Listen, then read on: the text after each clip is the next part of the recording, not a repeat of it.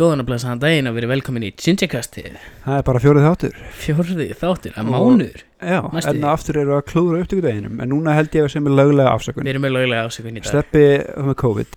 Við heldum það Já, ég held það, þú varst, þú varst laðhörðus Ég var mjög, ég var mjög lasin og ég er ennþá lasin En uh, já, ég gæti ekki fengið sjálfum mig til þess að taka upp í gær Þannig að við svona Nei, erum að kompromæsa í dag já, bara við erum hefnir að ná að taka býta sko Já, ég myndi segja það Þannig að það er því miður engin cocktail kvöldsins Nei, Og ég er fatt að núna þegar byrjum að rekorda að Við glemdum einu lið, Ginger Mónaðarins maður, Fyrir ég, var búinn að- september. ég var búin að hugsa aðeins út í þetta sko. Ok, Ég snillt. fór að, fór að hugsa aðeins út í þetta í, í morgun Og það kom bara enginn til greina Nei, ég er svolítið sammála, ég sá engan eitthvað fréttan með eitthvað frábært Ekkert Jú, einhver kona fyrir norðan alltaf listasýningu Já, það var mjög flott Já, það er flott listasýning, skilst mér En annars, annars fundum við engan verðuðan Nei, Sigur á að fyrsta ginger mánuðarins þannig að, það, þannig að það verður vonandi einhver verðuður sem að poppar upp á, á næstu vikum þannig að við getum eh, loksins farið að útluta þessi verðlun þessi stórkoslu Vel séu vel, en ok uh, að punktum síðasta þáttar og síðasta þáttar Já, Ég fór að velta fyrir mér uh, Þurfum við intro tónlist? ég veit það ekki sko Því ég hef heila heyrt að það sé svona skrítið að hlusta á þetta ekki með intro tónlist sé skrítið að hlusta á þetta ekki myndir Já, allt er byrjum að tala en ég svona var að pæla þú veist, Er þetta ekki bara eitthvað koncept sem hefur búa tilskilu? Þurfum við með þetta til þess að vera með þetta?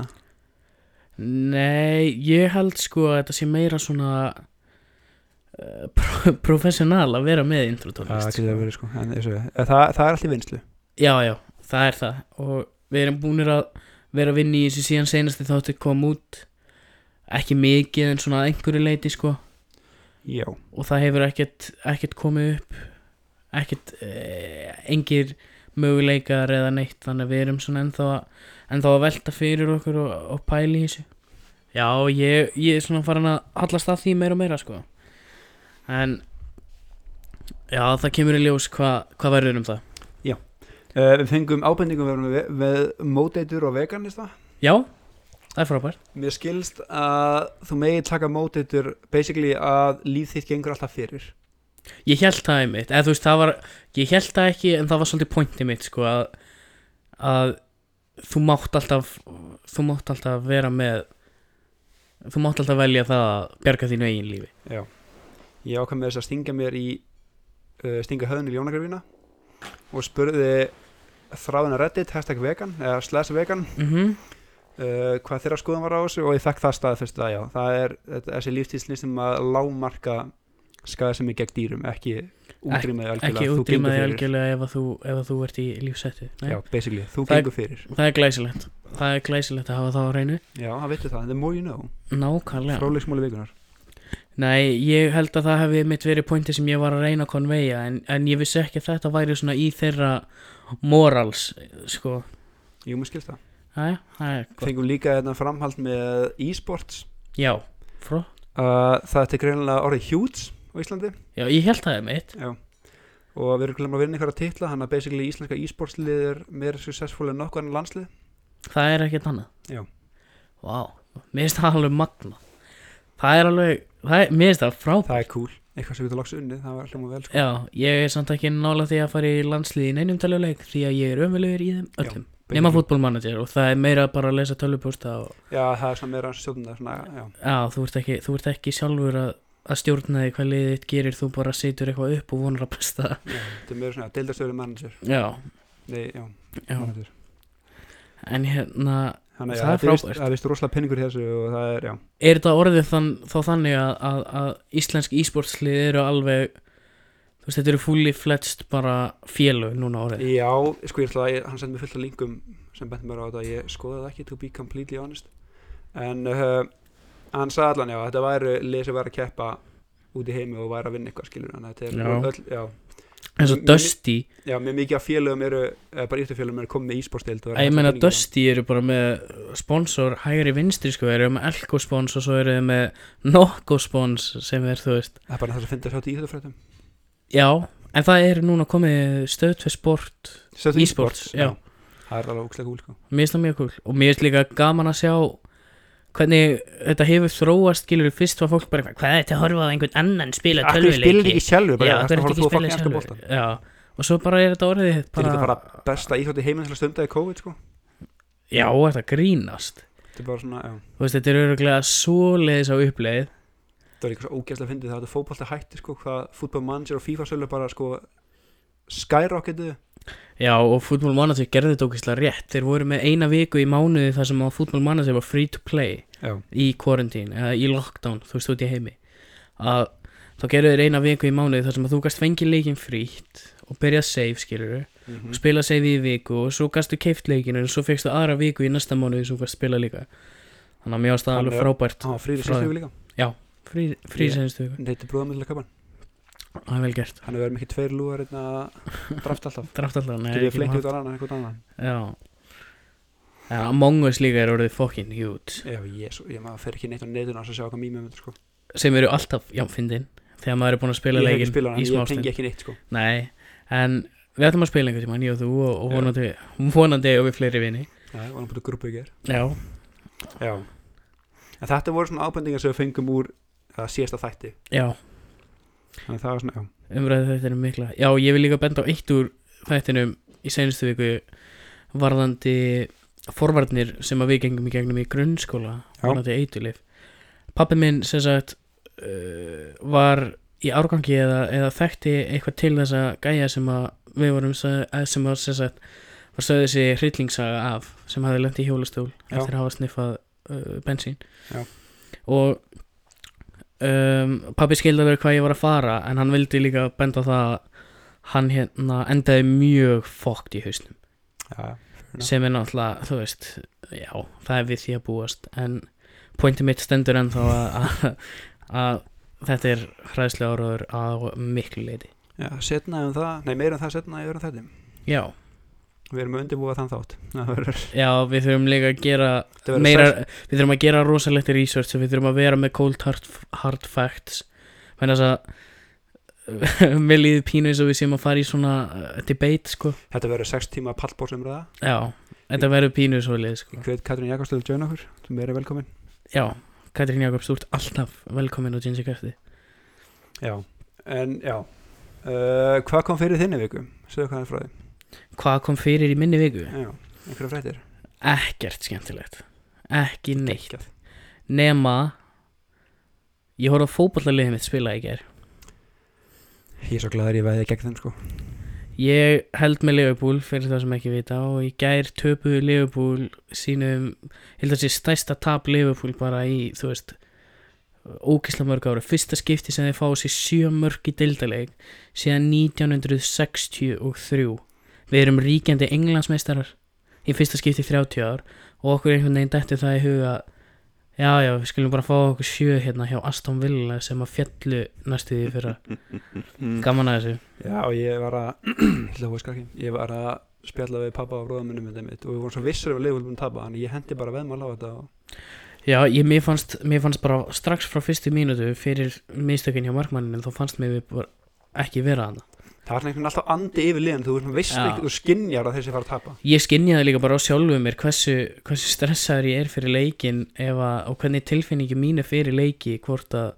það gerist eitthvað um leið og besti markmaður í heiminum dættur út úr liðinu einu þá ert aldrei þá ert aldrei confident sko Já, vantar líka bara manni og Já, nákvæmlega Tiago Já, engi smá spilarar Já, það lenaði svo sig að sjá United tapa samt Já, já, en, en ekki nóg Nei, við töfum ég stórt Það Já. er svona ég miklu markumenn Já, en við fekkum samt á okkur sjö fokk Það er eh, virkilega slagt Jack Grealish kom þú veist í gær og spilaði bara eins og Messi Flengd okkur, flengd okkur sko það en er sorglegt fyrir utan það í minni viku þá kerðist eiginlega bara ekki neitt sko ég fór í vinnuna uh, ég fór heim úr vinnunni á föstu daginn út af því að ég var svo lasin ég þrjóskaðist í gegnum með að mæta klukkan 6 sko og hugsaði með mér bara já ég, þú veist ég er bara slappur skilur ég meika það alveg svo bara í kringum nýju leiti þá var ég bara já herri ég ég bara komið með hita og Bullandi, svima já. og ég held ég væri með COVID sko svo fór ég í testið á, á, á lögadeginu í hátteginu og, og fekk svar fjórum tímum setna að það væri neikvætt sem er náttúrulega Betur fyrir maður Já, bæði og sko, ég væri asnalegt að segja það, skilur En það væri alveg fínt að klára þetta bara Upp á Ég- það að ég gera nenn- við ekki að svona innan gæsalega bara living in fear Ég nenni ekki að taka þetta upp- taka þetta upp gegnum Discord sko Nei, true það er pínu Svo, pinni Þú getur sitið hérna fyrir utan glugga minn það er Það ég fá ekki úlpu með á, ég skal lóna þér úlpu bara það kan verið en að öðru, frendi minn er í fastegna huglengu líka og er að kaupa Já, já og ég var ekkert um að skoða bara að ganna að vísi hvað var í bóði ég fór að pæli því af hverju er ekki komment á fastegnir það var ekki geðveikt Viljum við hafa bara komment út um allt Vá, hvað þetta er flott ba baðherbyggi tökum það af devaf og setjum það á fastegnir það verður snill Það væri gegn mér langar að sjá spæralinn sem verður á devaf mm. gefur stundu fastegnum Vá Já, okkur kostar þetta 30 miljonir Þetta- Þetta... Linkur á aðra íbúð sem er alveg eins og kostar minna þetta er aldrei 30 miljonir hvernig virði bara ok, smeltu það af þessu nei, En þín vika, Daniel minn og rosalega rólega bara Nei. Hérna, varstu búin að nefna það eitthvað á podcastinu og hafi verið að kaupa þér íbúð? ég hefst að köpa mér íbú fá maður vondi aðhenda í vikunni það var ekki ekki að Pældi því? nýja stúdíu okkar Pældi því? Stór skref, big moves Guð, það var svo næ sko, nú búa í sko, 9,6 fermetar herbyggi núna næst í 1,5 ár, Já, næst í 2 það er alveg frábært Við fórum og við þetta brjálaði þessi 55 fermetrum ég held það Já. Ég held að þið er að, veit ekki neitt hvað ég er að gera við allt þetta pláss sko Fá þeir til að gista Já, já, ég segi einhvern tímann hann á, á sófanum eða eitthvað Já, við erum að kaupa hann til, við erum að kaupa hann til þér Já, já, nákvæmlega Þriðar um mig Nei, þetta var óðalega tíunda laus einhvern veginn Ekkert sem kemur við hugan Æ, nei, Ef ég er að gleyma ykkur þá minnum var ég mjög gláða það eftir já, alveg pott já. Jep, En aftur að kommentum myndi fastegn Hvernig heldur að það myndi spæralast út í Það var svona, geðislega Það fyndið myndi spæralast út í bara madness Já. Ég held að ég, ég held að maður myndi líka fá sko fastegnarsalana og vera að vernda Já, eigninar þetta er sko nýtt parkið Þetta var rélega lýsing þegar maður taka þessa myndir Það er aldrei lélegar myndir af fastegnum Við skulum hafa Jú, það á ég hreinu víst Stefán, Hefur- það hefur þú ekki leitað nógu lengi Ég hef ekki, ég hef Ég ekki var sko nefnt að íbúð og brása þetta myndirnar sko. voru, te- var- þetta var svo tekið á Nokia 3- 3- 3310 sko Þetta var Shit. hræðilegt Alltaf þegar ég dætt inn á það að skoða ykkur þá eru myndirnar alltaf bara svona vá hvað þetta er ógislega flott svo kannski ef maður slýsast til þess að fara að skoða þá er Já, þetta bara, það er það ekki er bara það sama. garbage dump sko. Ég lenti mig tvið svara Þetta var blekkur á myndunum sko Það var, já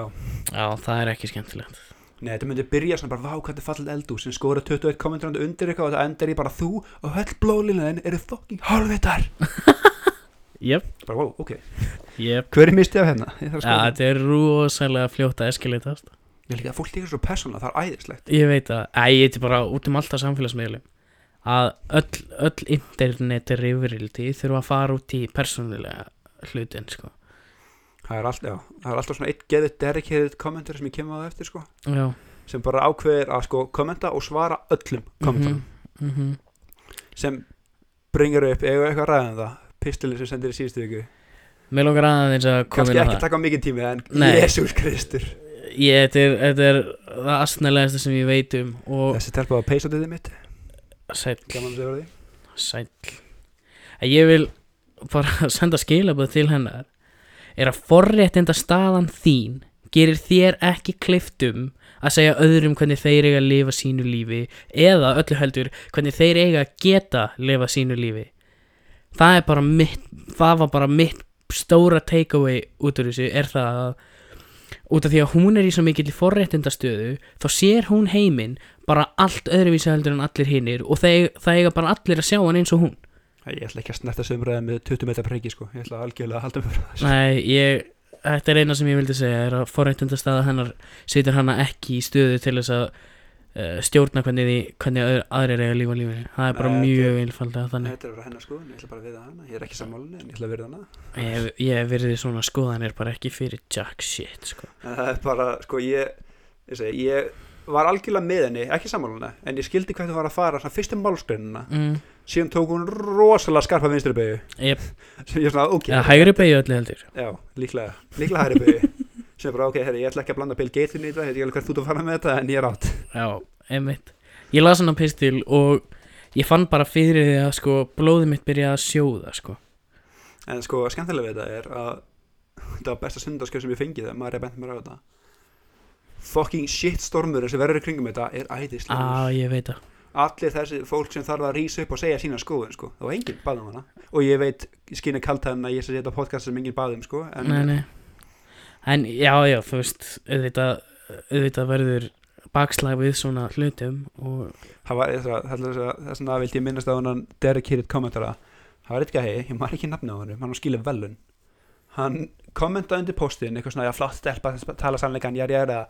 og ég er ekki að tjóka, ég held að hann hafi replyað á öll 200 kommentin sem voru á TV-fréttinni og 80 sem voru á mannlíf.is Jæks Jæks þetta var stórkostlega skemmtun Já en þú og veist, sko sko, Twitter, ó, mwah ímyndað er að eigða tíman einum í það að svara öllum kommentum það undir pointum þessari við, við frétt. þetta Mér finnst geggjað það alveg ótrúlega takið sér tíma og Mér líka finnst sko, hann alveg tók, ú- sér ekki, hann tók sér ekki tíma í það að leiðrétta hatuskomment hann var algjörlega á hennar hlið og var að verja hana Ó, pælti í því þetta var fantastisk Mér finnst þetta alveg ótrúlegt En já, ég, ég segja þú veist að ef DF komendur er með þér í liði þá myndi ég hans endur í huga skoðunna þína Já, að miklu hluti En ég, ég held að þetta sé komið nóg um þennan blessaða pistil Ég vil Já. ekki Ég vil ekki tjá mig nánar um hann við ég, getum talað í svona já, fjóra tíma um þetta Já, en þetta- þessi ræði gæti verið beint út úr mununum á Benja Píró sko. Þetta var- já, e, það var fyrsta sem ég ég, skal hugsaði lofa því ef við leitum nóg lengi þá finn ég Guð. bara Það var það fyrsta sem ég hugsaði Þegar ég sá hann á pistil var Ben Shapiro þegar hann- þegar hún myndist að ná eitthvað að ástæðan verið fátt að það verið því að 70% mm barna er Já, fætt út, já. út, út á hjónabart bara það kemur málun ekki Já, við, því að nei. Ísland er líka svoleiðis ég, ég, ég verð ofpyrraður ef við förum að tala um þetta Þannig að ég, eða svona, förum að tala almenlega um þetta Ég ætla bara, Já. ég ætla bara að draga Nóg mig til þetta. hliðar í þessu Þessu umræði, þessari umræði förum eitthvað skandalera, Ok, spákonur elska þér, Nei, jú, hvað, hvað svona stendur þú á spákonum ertu trúur á okkur svona nei, shit, nei ekki Ég trú, eða sko, nei, ég trú ekki á svona sitt en mér finnst spákonur alveg frábærar þrúkla fyndi kom Þær eru svo, þær eru svo miklu karakterar Þetta er bara, þú veist, það, mér finnst, þær eru mikilvægur partur á okkar samfélagi ok, Kaldani En, en ég brengið upp af því að yndislemóðu mín já, sagði mér að hún eittir hluta ammælstæðin sínum ég fara til spákonum já Ok, og henni finnst það skemmtilegt og ég verið það á hvernig það sem mjög ótrúlega fyndi var að ég ringdi hana í miðjum tíma hún skellt strax á mig já, Hún sagði mér eftir á að þeir hefði ringt á henni miðan tími mitt og hann hefði, br- þeim hefði báðum bröðið svo mikið. Spyrji mér er, ef þetta er góð spákvæðan, hvernig fokk hann sá ekki símtalið? ef hún sé 20 ára fram í tíma, hvað ég er að gera í framtíðinni, hvernig kann ekki sé símtalið eftir 5 mínútur? það var bara Frekar fóku, sýtti spákvæðan að spyrja mig. Fókusin lá bara ekki þar, Daniel Fókusin lá 20 ár fram í framtíðina Ekki á næstu 5 mínútur Taldi mér að fokkin fjarsýtt maður. Já, talandi um að vera fjarsýn Ég, mér finnst spákonur aðeinslega Ég hef aldrei farið til spákonu, ég hef fengið spil hjá spákonu einu sinni Það var voða gaman, ég held í það spil mjög lengi Ég man ekki einu sinni hvað það sagði mér sko en Mér langar svo óslega að faða spákvæðan, það er bara svona að reyna að villa fyrir henni svo ég get, sko. Já, já, Bara ég sé F, bara já, F, þetta er hann, þetta er hann freyr. Og frendi mér spýr síð og bara já, ég sé bullin í síð og framtíðinni, bara oh my god, hvað heitir Svíþjóð? nei, nei Ég, ég myndi aldrei gera þeim það Mér finnst mér, Eins og ég segi, mér finnst þær frábærar spákonunnar Þetta er ákveðin típa Já, Sem missjónina já Veit Ég ekki sigga Kling spákona Flokkast hún undir, þú veist, er hún spákona Ég veit það ekki, þannig spyr, það var ekki ekki á hann í podcasti Það var, Sigga Kling er frábær, ég elska Sigga Kling Já, hún er stemniskona Ég ætla ekki að, Já. mér er saman þessi bókona eða ekki, hún er aðeinslega Já, hún er Hún er frábær típa, það er, hún er mannski sem vilti partíið þitt Það Já, er, algjörlega hún algjörlega spæsir upp á það það var eitthvað það, það var auglýsing með henni þú veist eitthvað að hann hafi ekki læst íbúðinu sinni í 20 ára eða eitthvað, ég manna ekki og eitthvað svona, Hún er spókona, sé bara fólki koma hún já veit þú veist, þetta var eitthvað, þetta var eitthvað svona securitas auglýsing eða eitthvað, og hún var bara ég horfi, á- ef ég er að horfa á YouTube-vídeó og þessi auglýsing kemur, þá horfi ég alltaf á alla auglýsinguna út að þetta er sikkakling Já, einhver, akkur að segja fólki að læsa í hörninu Nú er fólk að ræna þig nei, það veit ekki einhver sikkakling á heima Ég veit hvað það býr, held ég ekki segja Nei, ég vil ekki segja það en- Hvað heldur þú sé Breiðbólstaðan út 21 það wow. Þetta átti ég ekki, ég veit Ég veit ekki hvað það sé Þetta breiðbólstaðan sem sveitafélag sko en Það er annar mál breyðabólstaður, sagður það? Já Ég veit það ekki, ég veit ekkert Þessar fyrst, fiskiþorp Íslandi, það hljóma þannig Já, Einn kirkja á sjoppa og that's it og verður að vera kirkja Er einhver, einhver smábar í Íslandi sem er ekki kirkja? Nei. Ég held Það- sem ég- fyrir kirkjunum bæjarfjölu í Íslandi Já, það er, það er algjörlega svo leys Það, eh, ég held að sé einhver að var einhver regla sem að sagði það að ef þú Þú voru ætlar að að, tala um þetta jú, ef þú ætlar að byggja einhver staðar og verður að vera með Ef kirkja það er byggðið yfir x númur þá verður að vera kirkja Jep, fokkar vilt ítrið kirkjana að gera það Æ, kirkjan græðir á því Kri- kirkjan græðir alltaf það er alltaf óslega hendið að sjálf að kirkja alltaf já, og líka engar smá fokkin kirkju líka nei nei, það er kirkja í Krísuvík Krísuvík hefur Fyrir ekki, er byggð í Krísuvík Ég veist það nei, ekki. er, ég er að spyrja, er byggð í Krísuvík nei, ég held að sé bara kirkja bara tjálsvæðið og ég held að, ég held að það sé bókstæðlega þetta er bara risastórt vatn sem að maður fer í þú veist að fjörara fresti til þess að vonast til þess að veiða silung og það er aldrei neitt fiskur að hafa hef ég aldrei komað að ég hef aldrei komað að og það ég bara er séð hana vissi. kirkjaðana líka þú kem bara út á land líka það smá helsbæi mm þrjúndum manna þorp -hmm. öll húsin er bara niðurnislu sem er eitthvað brand new kirkja upp í hlíðinni Ég meina þú, þú veist, þegar við vorum að að fara hana í sumar þegar við fórum upp í bústæðin og- bústæðin þinn hjá ömmuðin og afa já, já, já, já, um, þá fórum við í smá roadtrip Alv, já, já, true já. og við kerðum örgulega fram hjá svona fjórum kirkjum Já. og við fórum ekki langt Það var svona og við fórum 60 kílómetra hringur já, eða? og við fórum svolítið út í raskat sko. þú veist, þetta voru bara sveitabæir með margra akra lönd skiluru og sem kirkja og kirkja alveg magna Mér finnst það haldi bara- einverður nógu hvað setjum félagin, greinlega ekki Nei, ég held að, ég held að það sé ekki svo liðis Ég held þú meir byggja kirkju bara þess vegna hvað sem er sko og en kirkjur þurfa líka að mýta einhverja standarda sko Þannig að þú veist, þú getur Það ekki verður bara kross á toppinu Já, ég meina, þú, þú, þú, verður, þú getur ekki bara byggt kofa og sett kross á toppin og sagt að þessi kirkja sko Ég veit það ekki, það er einhverja reglur Fokk að það finnir þessi byggingarreglur um kirkjur Mér finnst það magna Það er að plássa í heila landa Já, rosa mikið pláss Það er það mjög bráð Það er að vera pláss fyrir heilan anda Alltaf þurfi sér orgel. landingarlega fyrir kirkjugarð Má hún bara byggja kirkjugarð einhverstaðar Jú, þú, þú verður að ég, það getur ekki annað verið heldur en þú þurfir að vera með landegnulegri Það var það- eða, Það eða var alveg góð hafa, business. sérst, hafa sérstakt leifi til þess að vera með kirkjukall sko. Það er útlendið koncept að kaupa lóð einhverstaðar Einblúsur lóð að byggja bara kirkjugarðar Já, Það var Shit. þetta lóðu til sölu á allt Þannig að þið vorum spáð að kaupa ykkur Sko mitt pitch bæðu við að kaupa lóð Og kaupa sér bara hérna, hjólísið eða eitthvað mm, Það var ekki vel tekið það, ég skil það ekki það var ekki vel tekið í Nei. það sér Nei, ég, ég, ég skil það ekki, mér finnst það frábær frábær Hún vildi vera á allt Ég er bara komið lausnirna Já,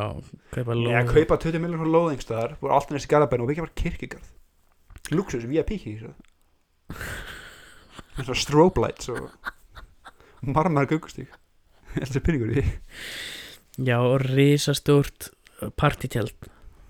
Þú ætlar ekki að Ekki fjárfesta partí í tjald, það er húsi svona hof, partí hof Já, ok Þetta er svona svona eins og- sexinningur, Já,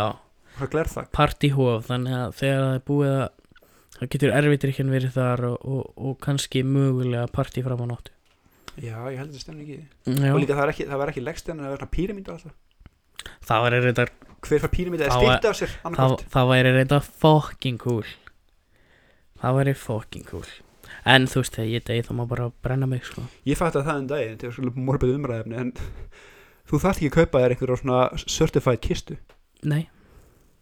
þú þarft þess ekki en Þannig það að- er alltaf mælt með því Já, ef ég degi það múti að henda mig bara í spónaplötu kassa Það er- ógeðslega fucking dýrt að degja Ég veit það by the way amma dó um daginn, um daginn. hún dó í hérna mars og ég bara trúði ekki hvað hva er dýrt að degja Þetta er brjálega sko Já, ég segi, ég, ég kýr spónaplötu kassa handa mér já ég ætla bara að láta brenna mig vonandi þannig að þetta hafa mig í einhverju krukku einhverstaðar eða þess vegna bara uh, skúla mig niður sko Skóli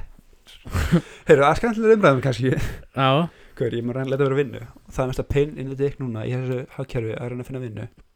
já bara samfélagsaðstæður og fleira sem að eru bara svolítið að fokka manni upp Ég held sko í alvegni síðan ég byrja að segja mig í janúar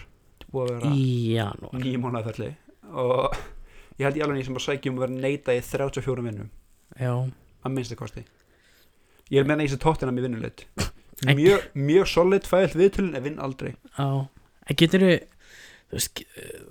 núna er Ísland svolítið byggt upp á svona klíkuskap og þú kemst inni og þekkir einhvern sem að þekkir einhvern og þú Það veist, er ekki ekki ná mikið af fólki nei út af því að þú veist, ég er náttúrulega bara með mína vinnu út af því að mamma mín vinnur er að Ég skilja veit ekki að pappi mínu skilur um það er Já, þú veist, þannig að ég held að sé rosa mikið svoleiðis ég er í þessu þessu landslægi núna er ég bara mjög heppin að vera með vinnu og ánæður með að vera með vinnu, sko Ég veist að hverja fréttum Það eru 1200 færri störf núna en fyrir árið síðan á saman tíma 1200 á svona litlu landi Það er er það bara slatti, svolítið sko. mikið sko. Ekkur, ég var í viðtalum daginn, ég vil ekki nefna fyrirtækið en ég var í viðtalum fyrir stöðu og hann gæinn sem var að taka viðtalum blatantly sagði við mig bara að ég var ekki nóg, var ekki nóg mikil starfsinsli í starfið sko. sem Mm, var mjög refreshing að þurfa ekki að býða ykkur eftir að fá að takk fyrir það ekki um en veldum annan mm, það er svo fyndið að hann leist hann mjög vel á mig og vildi hafa mig í huga eða skildi vandaði framtíðinni, vildi ég hafa númerið mitt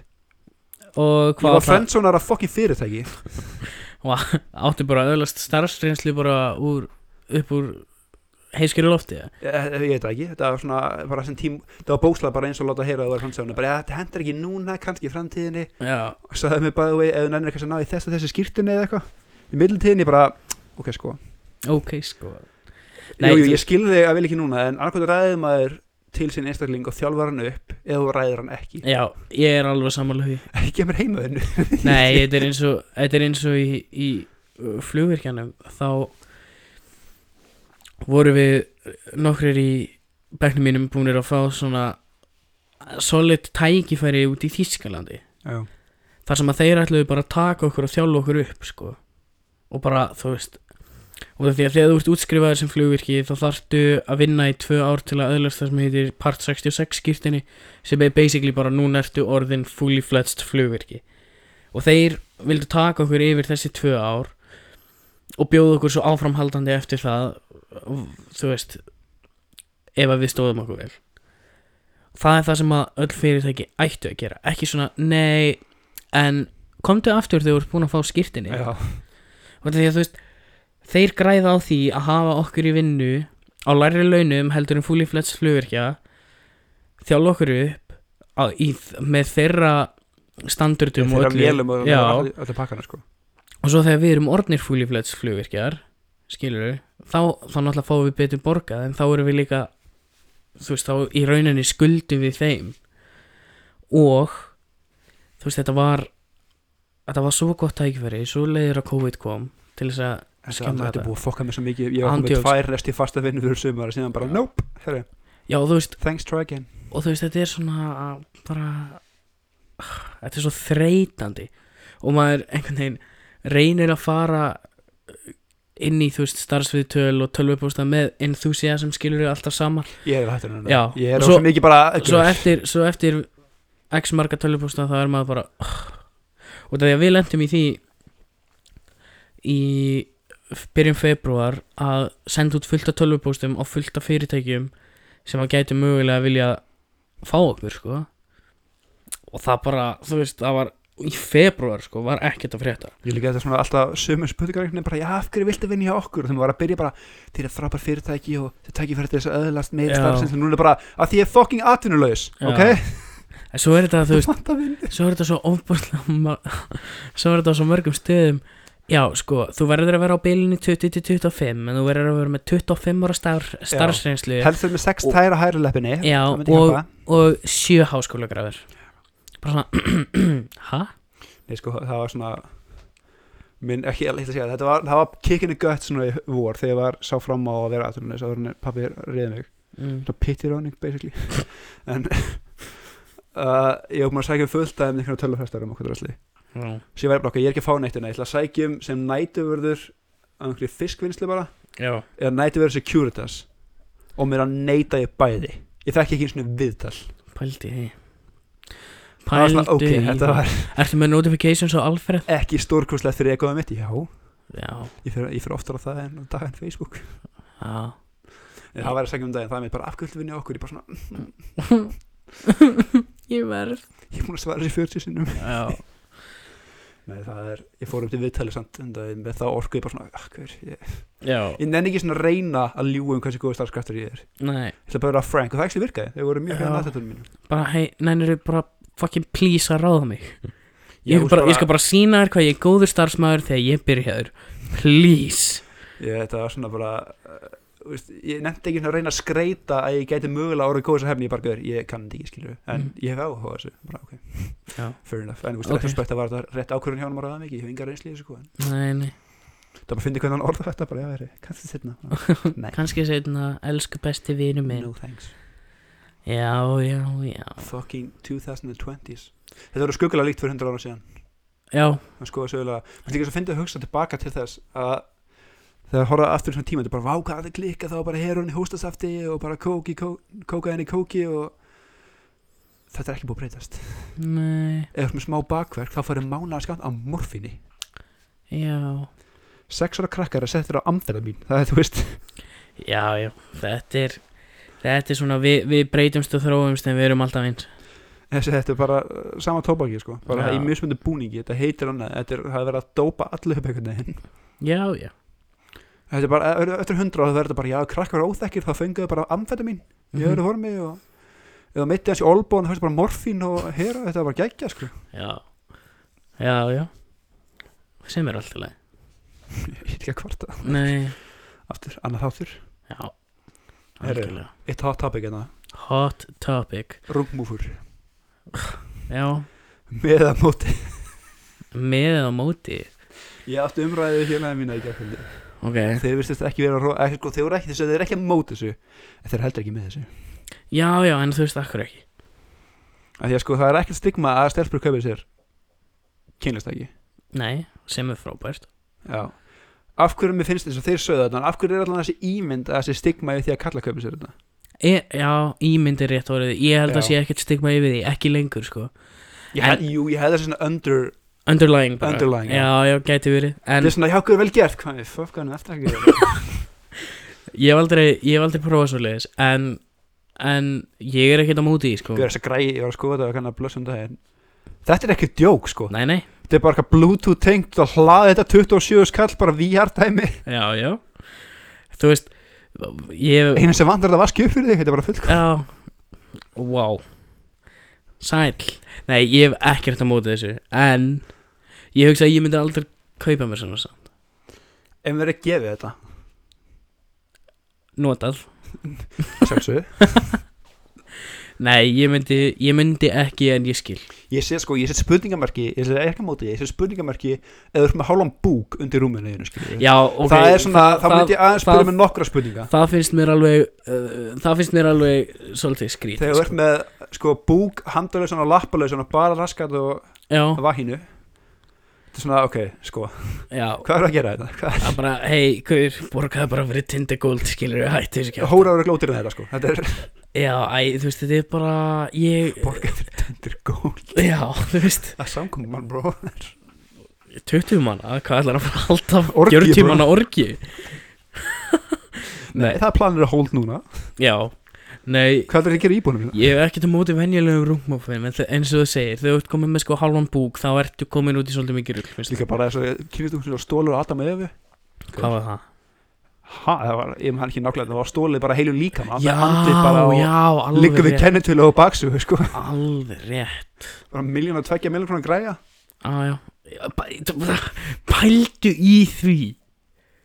Aftur, borgaði bara fyrir tindakóld Það er miklu annar- ótir hérna Já, sko, ég veit ekki alveg í hvað mindset maður er að kaupa það Nei, Sko, Bara- langar mér í Ford Focus eða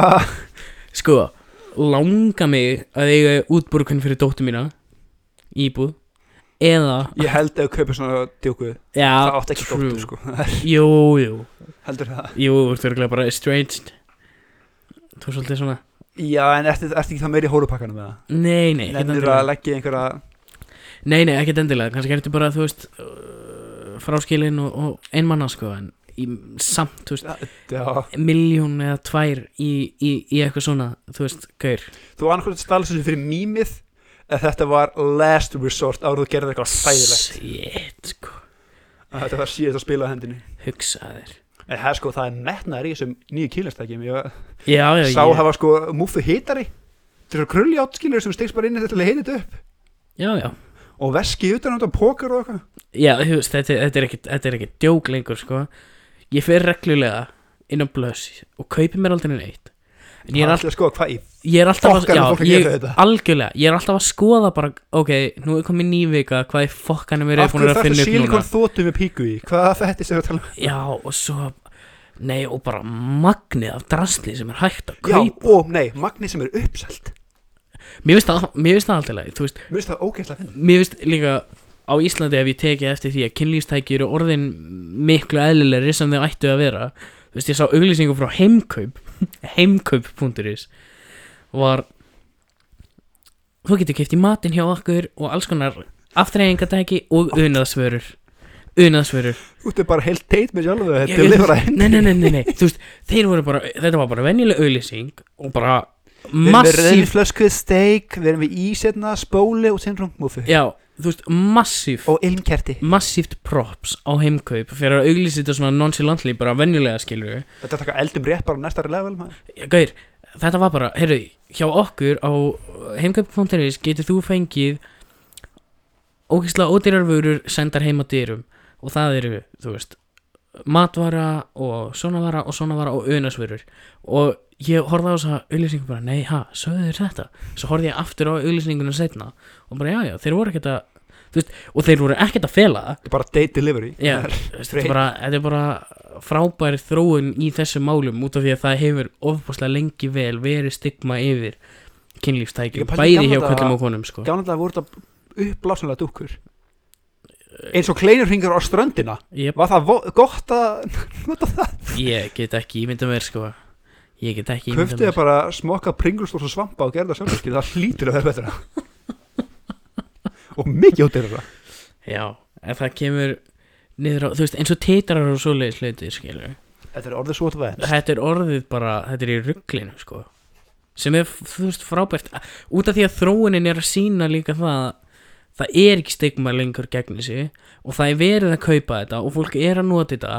út af því að þú veist, kynlíf er eitthvað sem á ekki að vera svona rosalega mikið tabú True. og það að fólk geti keift sér eitthvað sem að eigur una er frábært út af því að fyrir marga er þetta náttúrulega líka bara release á vissum Varst þú ekki með orðgáttakvöldinu að vera nútskýðu fyrir mömmu okkur fólk var að kaupa þetta? jú, Finnast í heima að ræðið fólkið ferdi um þetta Já, en þú veist Svo er þetta óðvæslega oft að, Þú veist, fólk kannski innan gæðsala bara skilur ekki eða s- fattar ekki Þú veist, þetta er bókstarlega bara til að auka unað Þetta er Og mér bara- finnst ekkert að því að fólk eyði pening í það Það er svona svolítið mitt stóra teika á þessu öllu saman Já, eða veist, mér langar að kaupa mér svona þeitra að suma ástöðum að kaupa mér svona Airpods, ég veit ég mér aldrei nota það, mér finnst bara cool Já, bara svo já slikt í sæningarnir og tækni bak við þetta Nótum Já. við ekki þeitra eða En eitthvað svo er þetta líka orðið þannig að Svo er þetta líka orðið þannig að Þú kom með ennara öskjuna í gjafaköst- gjafa gjafaköruna en það skilur Þú veist, þetta er eitthvað sem að fólk getur gefið sem gjöf sem er kannski, þetta er svolítið skrítingjöf skilur en svona milli, Fokk, hvað var að finna þetta langum sem svona. ef við svona milli vina skilur þá finnst mér þetta að vera Þetta er bara kannin ekki 2000 já, um mitt, en svona milli vina finnst mér þetta að vera bara Milli mín að Full- gefi fullkomlega eðlilegt gefi- ég myndi reyndar, ég myndi finnast fokk skrítið ef að þú myndi gefa mér múfu sko Opni jólgeð með úst, ömmun aða og mamma pappa bara, Hvað er þetta? Sko, Já, sko, hlusta þáttum með fjögur og þá skilja þetta En þú veist, mér finnst það kannski vera næsta skrefið í að destigmatæsa þetta er að fólk fara að gefa öðru fólki þetta Gaur, Það var, samt, það var til sölu svona líkamspartar sem voru með nöfn Líkams líkamspartar, kynlýstæki, bara það var S og það var búkur og það var úst, all, allt saman og það var nöfn á því þeir skýrði þetta sko, Það er svolítið fucked up raskati Heather og þú veist þetta var svona það er, það er svolítið fucked up sko Ég er ekki alveg þar Ég á ennþá eftir að, ég á ennþá eftir að koma hausnum mínum þangað sko Já, þetta er, þetta er verkið vinslu Já, algjörlega En kynlífstæki eru búin að vaksa á mig Alveg hrikalega Ég verð bara, þú veist bara með með múfundir rúmun ekki Nei, ég, ég eins og ég segi, ég myndi ekki fara alveg þangað ennþá, býtu að vera ekki alltaf mynd Jesus, maður. Já, talandi um þetta ekki þetta heldur, talandi um mögulegt komandi lockdown mm, fyrst út í veiku þá ákveða að taka þetta svona létta umræði bara um skemmti efni Já, uppáhalds uh, myndur leikstöra, þætti, leikara og söngkonur, söngara og söng, hljómsveitir ok, ef við bara gerum þetta svona æg og júk og það Það ekki bara, hlutu bara að byrja Eh, Við byrjum bara á sko, hvað segja, uppáhaldsles bestu myndum og kannski akkur þú velur þetta Af Því Ok. Ég lent alveg aðra byrjum, ég lent um vandræðan með sko að ég datt í hennan cinematography rungpakka skilur bara, já, þú veist ég veit að þú ert að nefna það skilur en þú veist bara Pulp Fiction og Interstellar og Platoon bara svona, já, þetta er allt frábæra myndir þetta er ekki mínar uppáhaldsmyndir Nei, þú veist, kannski bara, já, þínar uppáhaldsmyndir ein af þeim er svo sem Pulp Fiction, Pulp ég Fiction veit það alveg. Pulp Fiction er uppáhaldsmyndi mín og það eru það er fullt ástæðan fyrir því en aðalástæðan er kannski það að hún er svo óbúslega vel fucking leikinn og það þarf, og þú veist, og það er engin einhver, uh, þú veist það er engin saga þannig þú veist, hlutinni bara gerast ógeðslega vel leikinn, ógeðslega f- svona fucked up samt, sko ekkert smá og svo finnst mér alltaf gaman að horfa á dialog í myndum og hversu vel þeir gera sem sagt, samtölu á milli karakterana í myndanum myndinni er bara þú veist, er bara ótrúlegt og þú veist þetta er svo náttúrulega þetta er svo venjulegt að horfa á þetta því ég líður bara eins og þú sért að horfa á alveg fólk það er alltaf mjög fyrir, bara pölfingst þannig mynd ég get bara hort þar á einu sem þekkar á fresti ég get hort á hana daglega Mér, fe- hún, já, ég meikar ekki oft nefnilega og mér veist það svolítið, sorry að segja það ég veit þú tala nefnilega eftir, svolítið mikið um Tarantino myndir, já, mér er eftir með að horfa þær oft já, það er fyrr sko en Hann ég er, Nolan ekki, er ég, er svona- ekki, ég er ekki alveg þar okay. um, Ég er alveg með nokkrar í viðbót ef að, ef að bara, sko, nema þú viljir, ok nei, ég skil, ég er með líst líka Já, ok það er um, bara þína myndir American History X vissi það, fyrir svolítið að sögum ástæðinu ógislega vel leikinn og flott en þar er sagan grípandi og American History X er regla eina myndin sem ég hef grenjaði yfir þrísvar Það er vel alltaf gert. yfir sama atriðinu þetta einu mynd sem ég græniði var The Bucket List Já, það er mjög sorglega mynd en sko sagan í American History X er og ég ætla ekki að fara að spoila neitt fyrir neinum en þetta eru basically bara þetta er brútal saga sko. þetta er brútal saga og þetta er svona retribution fyrir fyrir aðalkarakterinn sem að endar samt í, í sorg sem er þetta er svona rollercoaster of emotions og það eru tvö sko, ég hef hort á ógeðslega mikið af bíómyndum en tvö mest brútal atriði sem ég hef séð á minni ævi eru í þessari mynd sem eru svolítið ekki hryllingsmynd Nei, Svona- sem er ekki já. hryllingsmynd Þú veist, þetta er bara og þetta er svo grípandi og mm, þú veist, maður, maður finnir til með öllum en samt hata maður alla á sama tíma um, frábær mynd, ég mæli sterklega með American History X og ef við höldum þessu bara í viltu þrjára manni eða, já, til í það þá ætla ég að nefna þá ætla ég að nefna Birdman um, og af hverju fylgur börnmenn Stefán?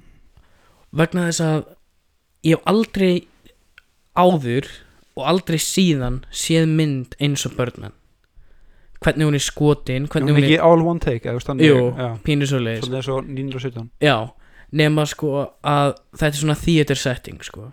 og þau eru að setja upp leikrit og Emma Stone leikur í þessu Michael Keaton leikur í þessu Edward Norton leikur í þessu og þau eru all frábær en sko aftur að tilfinningunni sem að þau sína þegar þau eru að performa í þessari mynd, eru að leika í þessari mynd er bara er bara, þú veist, þetta er magnað level og þú ert að fylgjast með aftur raun og vera engri sögu sko þannig heldur eru þau bara að sitja upp leikrit og þau eru að æfa og þau eru að fara að sína og, og þetta gerist alltaf rosalega stuttum tíma og svo kemur einhver annar faktor sem er eitthvað allt annað en, en þér hefði dottið í hug að,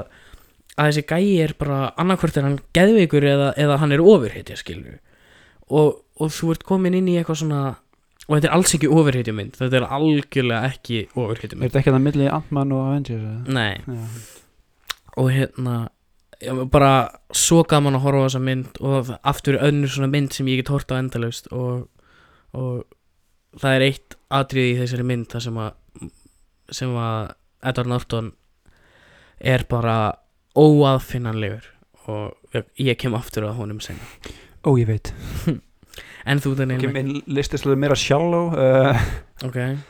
mi- sko mín svona allra uppáhald sem ég beist ekki afsökunar fyrir elska er V for Vendetta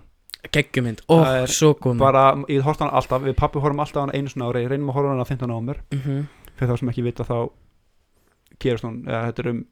basically Guy Fawkes, segir ekki 15 november nema framtíðin, þetta er svona það er já, baksagan já, þetta er um bara hellscape, eða svona utopian nei, ekki svona utopian, dystopian já framtíð dystopian framtíð, já það sem basically London orður löðurglur ríki bara og allt er í fokki og Já, og, en hefur samt ekkert breyst, þú veist, arkitekturinn eða ekkert hefur ekki Nei. breyst síðan en það er bara sem er, hún er alltaf ógeðslega vel leikin Já, geggjaða leikari í henni og ég mitt minnst bara svo cool sögurþráður af því að við horfum hann eins og hverjum ári og hún verður raunverulega með hver árunni Já. ég maður þegar ég sá hana fyrst ég bara hvernig getur þetta gerst en núna bara þetta er að fucking gerast fuck fókin er ekki Natalie Portman Jú. hún er frábær í henni Jep. frábær og hún er bæ, þetta er bæði geggja aksjónmynd og hún er ógeðslega hartfell líka mm og það er bara, já, svo mikið að kúlínum í henni já, hún er mjög quotable já, ekkert smá og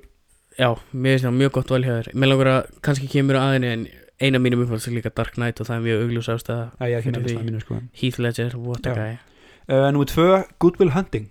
já, Robin Williams í henni Fuck me Hvað hann er góður í henni? já, hann er kekkjar og hérna, Matt Damon líka Matt Damon, hann Stellan Skarsgård geggjaður í henni Stellan Skarsgård er alltaf kekkjar Ben Affleck er geggjaður í henni þeir, þeir skrifa hann alltaf þeir tveir sko já, eða þú veist að Disputed eða einhverjir vilja minna að gera það ekki en já, eða þú veist, samkvæmt allan hann að cast, þú veist, kreditunni þá skrifa þeir hana sko já, ógæðist, þeir bara, hún er svo vel leikinn svo geggjur saga einhvern veginn falleg mynd já, hún er, þetta er rosalega fílgúð mynd Mhm. það er svona bara, já, þetta er sem, sem sagt um strák sem var beittur ofbeldi í æsku og er að vinna úr sínum vandamálum og hann Já. er starfræði séni, já, rúðu þakkláð þrákur já, uh, Númer þrjú hjá mér, uh, ég, svona, ég er með sko ég er með svona fáa sem ég elska, elska, elska ok okay. síðan nokkar sem eru alltaf bara solid en þriðja sem er controversial, Southpaw Southpaw Ég man að ég fór á hann í bíó og ég var mjög hrifin hann þegar, ég- þegar ég fór á hann í bíó en ég hef ekki hort á hann síðan þetta er mynd sem ég fannst fljúa sko glæpsala undir radarinn Jake Gyllenhaal er það ekki Jake Gyllenhaal, Rachel, Rachel McAdams, Forrest Whitaker Já, 50 Cent um, bara besti, besti leikarinn í þessa mynd já Jake Gyllenhaal er alltaf flottur og líka pyrrum svo mikið, þessi mynd kemur út á sama ári á Creed kemur út, Já, þannig að það er stóra svona boxmyndir en Mhm. allir gaggrindir bara, já, við erum, all- við erum að sjá þess að sögu á, já, já, já, já, og síðan kemur Creed út bara, hvað, þið geggjum mynd, bara, já, það er enginn séð up and coming boxer myndin áður, ha Nei, Ah, það einmitt. er alls ekki til Rocky 1 við fucking 5 Nei, einmitt en það sem ég elska við Southpaw er, fyrsta leik að Jake Gyllenhaal leikur hann ógeðslega vel í henni Mhm. að það var, þú veist, ef þú sér hann í viðtölum sér hann í myndinni, hann leikur hann að karakter sjúkla vel Já, og líka þetta er, þú veist, þetta er finnst mér original svona hugmynd skilur þú veist, þessi gæði sem það einhvern veginn, og hans spoiler skilur, missa svolítið titilinn og það Já. er að vinna sig aftur já en, þú veist, jú, það er kannski ekki nýtt en áttir sem þeir fara í mhm. finnst mér svo refreshing og þetta er líka mjög feel good mynd, Já, ég samanlega því um, sjúkla vel ekki herri, ok, aftur að þínum Ég vil koma að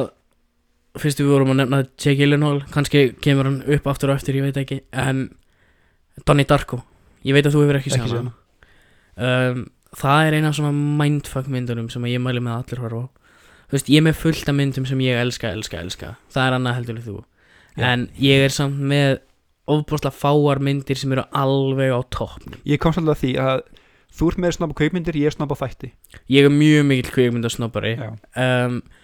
þannig að það er rosalega lítið af kvikmyndum sem eru alveg á sko tindinum en það er fullt af my- myndum sem eru svona þar í kring Já.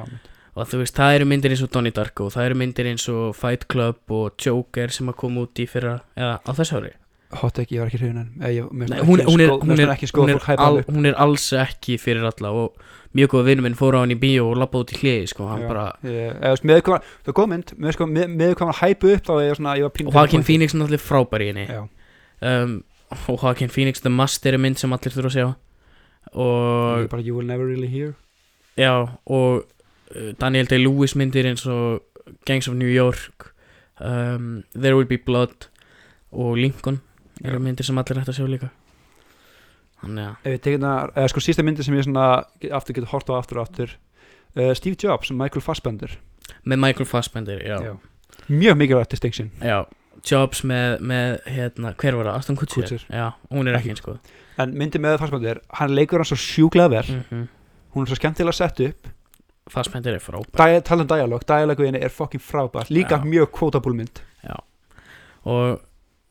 hérna, Kate Winslet leikur henni, já, Fassbender er Seth alltaf Rogen. Fassbender er alltaf frábær hann er man crushið mitt já, Ég elska hann. en síðan bara ég með nokkar rapid fire svona myndir sem ég veist alltaf solid, get alltaf hort á ok en ekki svona uppáhalds uppáhalds uh, Spider-Man Into the Spider-Verse Ó, Rugluð. hættu alveg, hún er svo góð Besta Spiderman myndi ég man þegar ég sá trailerin ég bara hvað í fokkanum er það að Já. gera það er verið að gera live action, akkur er að gera teiknumyndum sem ég sá Já. hann ég bara, ok ég skil ég, Já. er það, ég fór hann í þrývit í bíó, ekki Mhm. með ennsku texta á ennsku mm það var upplöðin Já, ég eh, Besta Spiderman myndin, by a fucking mile uh, Coach Carter, Samuel Jackson Já, já, underrated, m- frábær feel good movie já, 20 on Jump Street, já elskar það hún, hún er, hún er stórkosleg Channing Tatum og Jonah Hill leiknum frábæra saman já, þeir Og eru, síðan- þeir eru svo finnir sem eins og kom út nýlega, veit ekki hvað það sé hana The King of Staten Island nei, ég hef ekki séð hana Gauð, þú er að horfa á hana já, ég veit hún er svo óge, hún er alltaf featurar uppáðsumstæðan með Bill Burr í hlutverki mm Mhm. og Pete Davidson er geggjaður í henni hann er líka uppistandari já, ég er fílar hann ekki fyrir hans eitthvað sakalega en nei, nei, kallar að deyta það er einhver handi já, já, þetta, þetta er, um- það er myndum hann svona basically biopic um hann sko já ok, pappans, var, pappans í alvegurinni var slökkvælismann sem dó á 9-11 já, þannig að það breyta aðeins sögunni hann dó ekki á 9-11 skilur en já, en hún er ógeðsla fyndin og líka svona hartfelt Ok. og næ sko ok en þá er ég búin mínar myndir Já, Þetta ég hljóðar svona, það er ekkert svona off the top of my head sem að kemur kemur meira heldur en það sem ég er búinn að segja sko. þú veit að lesa upp allt Tarantino kat- katalogi Já, já, en við komum Já, betur komum að við því á eftir Eh, ég skal bara koma að því núna leikstjórar þú maður byrja um, Quentin Tarantino Quentin ó í alvegurinni Já um, never would have guessed Hann er nummer eitt út af því að allar myndindar hans allar, hver ein og einasta er mynd sem að ég get hort á aftur og aftur ég get hann ekki allt frá Reservoir Dogs í Pulp Fiction sem er uppbólsmyndi mín allra tíma í Jackie Brown í Kill Bill myndinar í, í Inglourious Basterds, Django, Hateful Eight og núna nýlega Once Upon a Time in Hollywood ég er að elska þá mynd ég get Ja, hótt hana þetta aftur, eru aftur. a- þetta eru allt frábærar myndir og ég var ekki bara, ég var ekki hrinn að bratt pitt fyrir það mynd sem sá ég hann er bara ok ég veist, hann, ég ætla að gefa hann honum var tag. svo flottur í henni og hann var svo flottur í, í Inglourious Basterds, ég veit að þú ert ósammála mér. ég fíla hann ekki í hljóðsvöðu passa Nei, mér finnst hann frábær í henni út af því að hann er svo mikill asni En uh, Vannmennasta myndin hans Quentin Tarantino er Hateful Eight Jackie Jackie Brown er mjög góð sko En, en, en Hateful Eight er Svo fokkin já, góð hún svona fættir líka undir málega sem ekki myndum sem við að þú elskar mm -hmm, er myndir sem ég sé einu svona ég bara ok, þú veist, fæn, ég, Mhm. góð mynd ég get alveg appreciate það, en svona fyrir mér, af því að góð mynd er svo ótrúlega subjective, Já, að sumum algjörlega finnst Nolan bestu, öðrum Kubrick og það ja.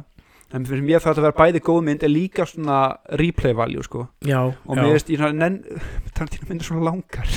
já, Hateful Þetta er Eight svona- sofferar rosalega fyrir það að vera svona ógisla lung og langdrein já, Ég meina, ég held að sko þau eru, þau eru í einhverjum hestavagni í byrjun myndarinnar í 20 mínútur og gera ekki neitt já, en það er frábært út af mér finnst svo gaman að horfa á það út af því að dialogið er geggjað já. þú veist, þau eru að tala um ekki neitt þau eru ekki að gera neitt en samt get ég ekki hægt að horfa og Ok. það finnst mér vera rosalega stórt ok um, þannig að Quentin Tarantino definitely um, ég ætla líka að koma að Kristoff Nolan Já, ég ætla aðeins að, já en þú veist, Mér finnst hann verið að pínu drop off, ég ætla ekki að ljúga þér hann er búinn að því alveg massíli en, Ratingi hjá Tenet er ekki gótt, sko Eða, svona, nei, Mér finnst hann svolítið fallið í pitfallið hjá hann og sjálfum einhvern veginn hann, hann er alltaf að reyna að toppa sjálfa sig sem er ekki hægt mikið að toppa sig að hann Þú bara, veist, hann gerði Batman trilogíuna, hann gerði Inception, hann gerði Interstellar, allt stórkostlega já, já, myndir by the way, mitt að uh, einhvern veginn sem hann kritikst á er Dunkirk betur en Dark Knight sem er bara kjáftaði sorry um, hann gerði hann gerði hérna Memento að það ekki Mér mentuðu by the way með næst best einhvern veginn, ég ger rannsóknar ég tók alla fjórar, tók IMDb ég tók Rotten Tomatoes bæði critics og bara Mhm. áhverjandur og síðan metaskor og mentuðu var næst besta hún, er, hún er virkilega góð hún er flott sko en, en ég En myndi fyndið það var pínu svona correlation að myndina sem áhörðu fílaði ekki fílaði kritiks meira Mhm, Insomnia og Dunkirk sem fengu ekkert mjög hátt hjá audience fengu mjög hátt á kritiks mhm. það er líka bara pínu svona uh, miklu leiti svolítið rung sko Já, en já, þeir eru frá, og náttúrulega þú veist Martin Scorsese, hvernig er þetta að líta fram hjá Martin Scorsese Já hann er alltaf bara íkon sko En Já. ég ætla- ég ætla að segja með Nolan sko að jú, myndina er alltaf ógeðslega flottar Mhm, og þetta er allt, jú, jú, s- sann með sinni eigin narration stíl skilur við En með þess bara gallið með hann er fyrir utan Dark Knight trilogíuna replay value hans fyrst en ekki mikið nei, ég get ekki hort á In- Inception aftur Ekki interstellar eftir ég, Ég gerði það ég ekki gæti það sko en hún er, hún er svo fucking lung Já og þú veist plott fyrst en ekki að Já. skilur eða en Memento, Hvernig er leysið, Memento finnst mér vera með replay value ég veit, ég veit ekki hvort að þú hefur séð hana Ég sé part af henni Já. Ég held ég að klára það sko. um, hún er mjög góð og jú, jú, ég held að hann sé með svona ákveði replay value en, en, en ekki fyrir mér jafn mikið og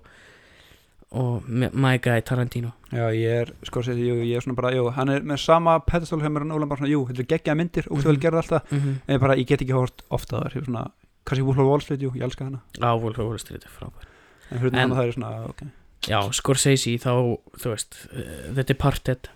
Já, það er enda Er- geggjað mynd. Gjöð fucking mynd og, og Goodfellas Goodfellas er mynd sem ég hefði ótt að nefna í upphólsmyndir Goodfellas er svona hún er örglega af þeim myndum sem eru ekki alveg á tindinum er örglega næst í sko hún er alveg frábær og Joe Pesci og Ray Liotta þú veist, Ray Liotta þú veist, aldrei leikið jafn vel á æfinsinni Joe Pesci aldrei leikið jafn vel á æfinsinni þú veist, Joe Pesci árið 1990 kemur Goodfellas út og sama ári er Joe Pesci að leika vondakallin í Home Alone sko. Það er geggjað. það er ótrúlegt contradiction en samt er hann að leika mm, svolítið sama karakterinn en, basically. en já, Herru, ég ætla að hræðast upp í þessum. ok Ég ætla fyrst að nefna leikstöru sem ég veit að þú ert ekkert superhefn af. My boy, Terrence Malick. já, Hann hefur orðspor á sér, réttilega, myndi ég að segja, að gera ógeðslega langdregnar myndir sem er satt, ég held að engin mynd hjá hans undir tveim tímum, sko. næ, sem er alltaf læg ef hún er góð